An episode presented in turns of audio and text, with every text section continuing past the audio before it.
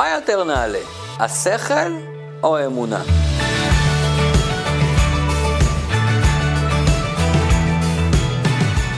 מי יותר מחובר לבורא? מי שמבין את התורה ועושה מה שכתוב שם בגלל שהוא מבין, או מי שעושה בלי להבין? פשוט כי ככה כתוב. לכאורה זה נשמע שמי שמבין הוא בדרגה גבוהה יותר, הוא מפעיל את השכל ולא מסתפק בעשייה.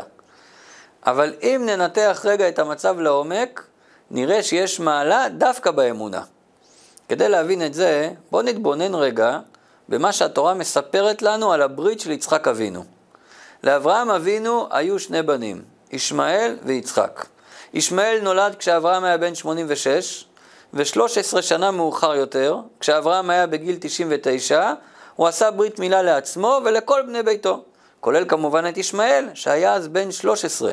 זאת אומרת, שישמעאל עשה את הברית בגיל שכבר יש לו מודעות.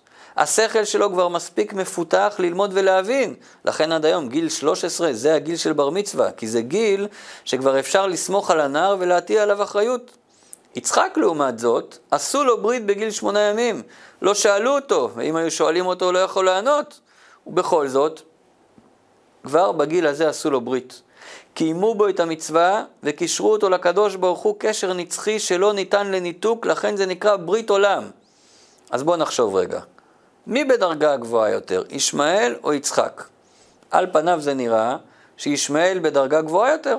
הוא הבין והשתמש בשכל כדי להתחבר לבורא. עד כדי כך הוא היה בדרגה גבוהה, שלפני שיצחק נולד, אברהם היה מרוצה מישמעאל, ולכן היה מוכן שהוא יהיה ממשיך דרכו. לו ישמעאל יחיה לפניך, אומר לקדוש ברוך הוא, הוא יהיה הממשיך שלי. אבל הקדוש ברוך הוא לא חשב ככה. הוא רצה שדווקא יצחק יהיה הממשיך. ביצחק יקרא לך זרע, אומר לאברהם. למה? כי כשההתקשרות שלנו לקדוש ברוך הוא מבוססת על שכל והיגיון, יש בה חיסרון מאוד גדול. היא מוגבלת בהתאם ליכולת השכלית שלנו. אנחנו עושים רק עד כמה שאנחנו מבינים.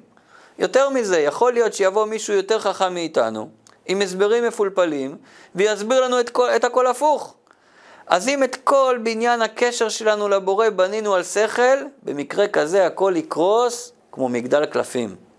אבל כאשר ההתקשרות מבוססת על האמונה על שכלית, לא בגלל שחסר לנו שכל, אלא מתוך ההבנה שהשכל הוא מוגבל, ולא באמת יכול לתפוס אלוקות, לא באמת יכול לתפוס את האינסוף, אז ההתקשרות תהיה הרבה יותר חזקה. לכן הקדוש ברוך הוא אומר לאברהם שממשיך דרכו הוא דווקא יצחק, ביצחק יקרא לך זרע.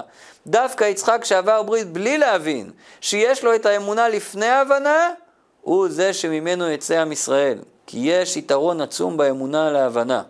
כמובן, אחרי שיש בסיס חזק של אמונה, אפשר וצריך להכניס גם את ההבנה, ללמוד ולדעת, ולא להסתפק רק בעשייה. אבל האמונה על שכלית היא היסוד והבסיס האמיתי שיחזיק אותנו בחיים הרוחניים בצורה נצחית ופנימית.